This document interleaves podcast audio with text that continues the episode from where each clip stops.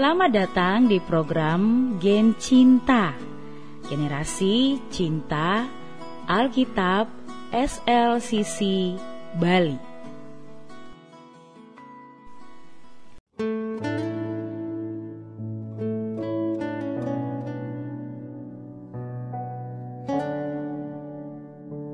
Perintah Tuhan sering tidak masuk akal.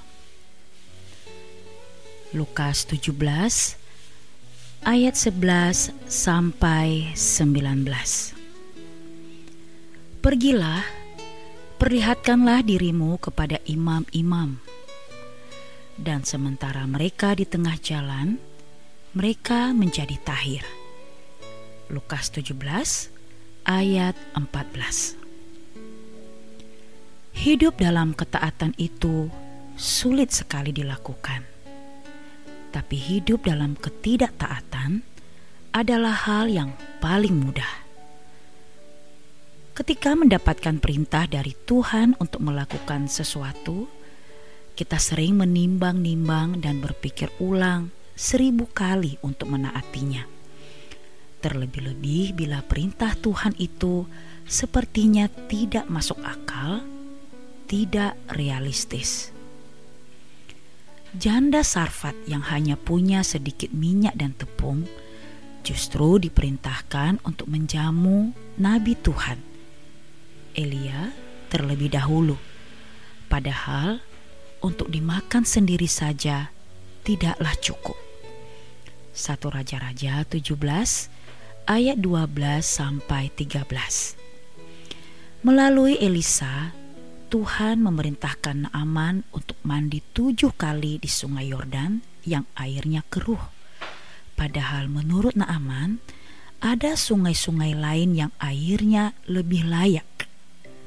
Bukankah Abana dan Parpar, sungai-sungai Damsik, lebih baik dari segala sungai di Israel? Dua Raja-Raja 5 ayat 12 Ketika mereka taat melakukan perintah Tuhan yang sepertinya tak masuk akal, hal itu justru menjadi kunci untuk mengalami berkat dan mujizat Tuhan. Dalam perjalanan menuju ke Yerusalem, Tuhan Yesus melewati kota Samaria dan datanglah sepuluh orang kusta menemui dia. Pada zaman itu, orang yang sakit kusta mendapatkan perlakuan tidak baik dari masyarakat. Mereka dikucilkan dan diasingkan. Karena itu, mereka hanya bisa berteriak dari kejauhan, meminta belas kasihan Tuhan. Guru, kasihanilah kami. Lukas 17 ayat 13 Tanpa penumpangan tangan Tuhan, langsung memerintahkan mereka untuk pergi dan memperlihatkan diri kepada imam-imam.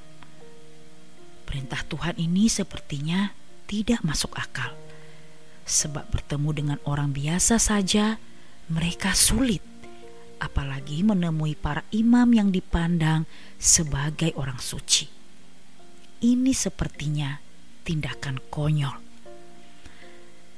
namun, ketika mereka melakukan apa yang Tuhan perintahkan, pergi menemui para imam, di tengah perjalanan mereka sudah sembuh. Ketika kita mau taat dan berpegang teguh pada firman Tuhan, sekalipun secara manusia kelihatan mustahil, kita akan melihat dan mengalami perkara-perkara yang besar dan dahsyat. Kuncinya hanya satu, yaitu mau taat atau tidak. Tak perlu ragu untuk melakukan apa yang Tuhan perintahkan, karena Tuhan tidak pernah salah dalam memberikan perintah.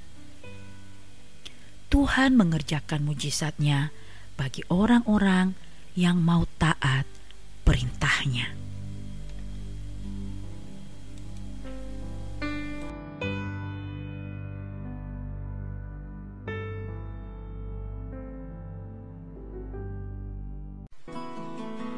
Demikian program Geng Cinta, generasi cinta Alkitab kita hari ini.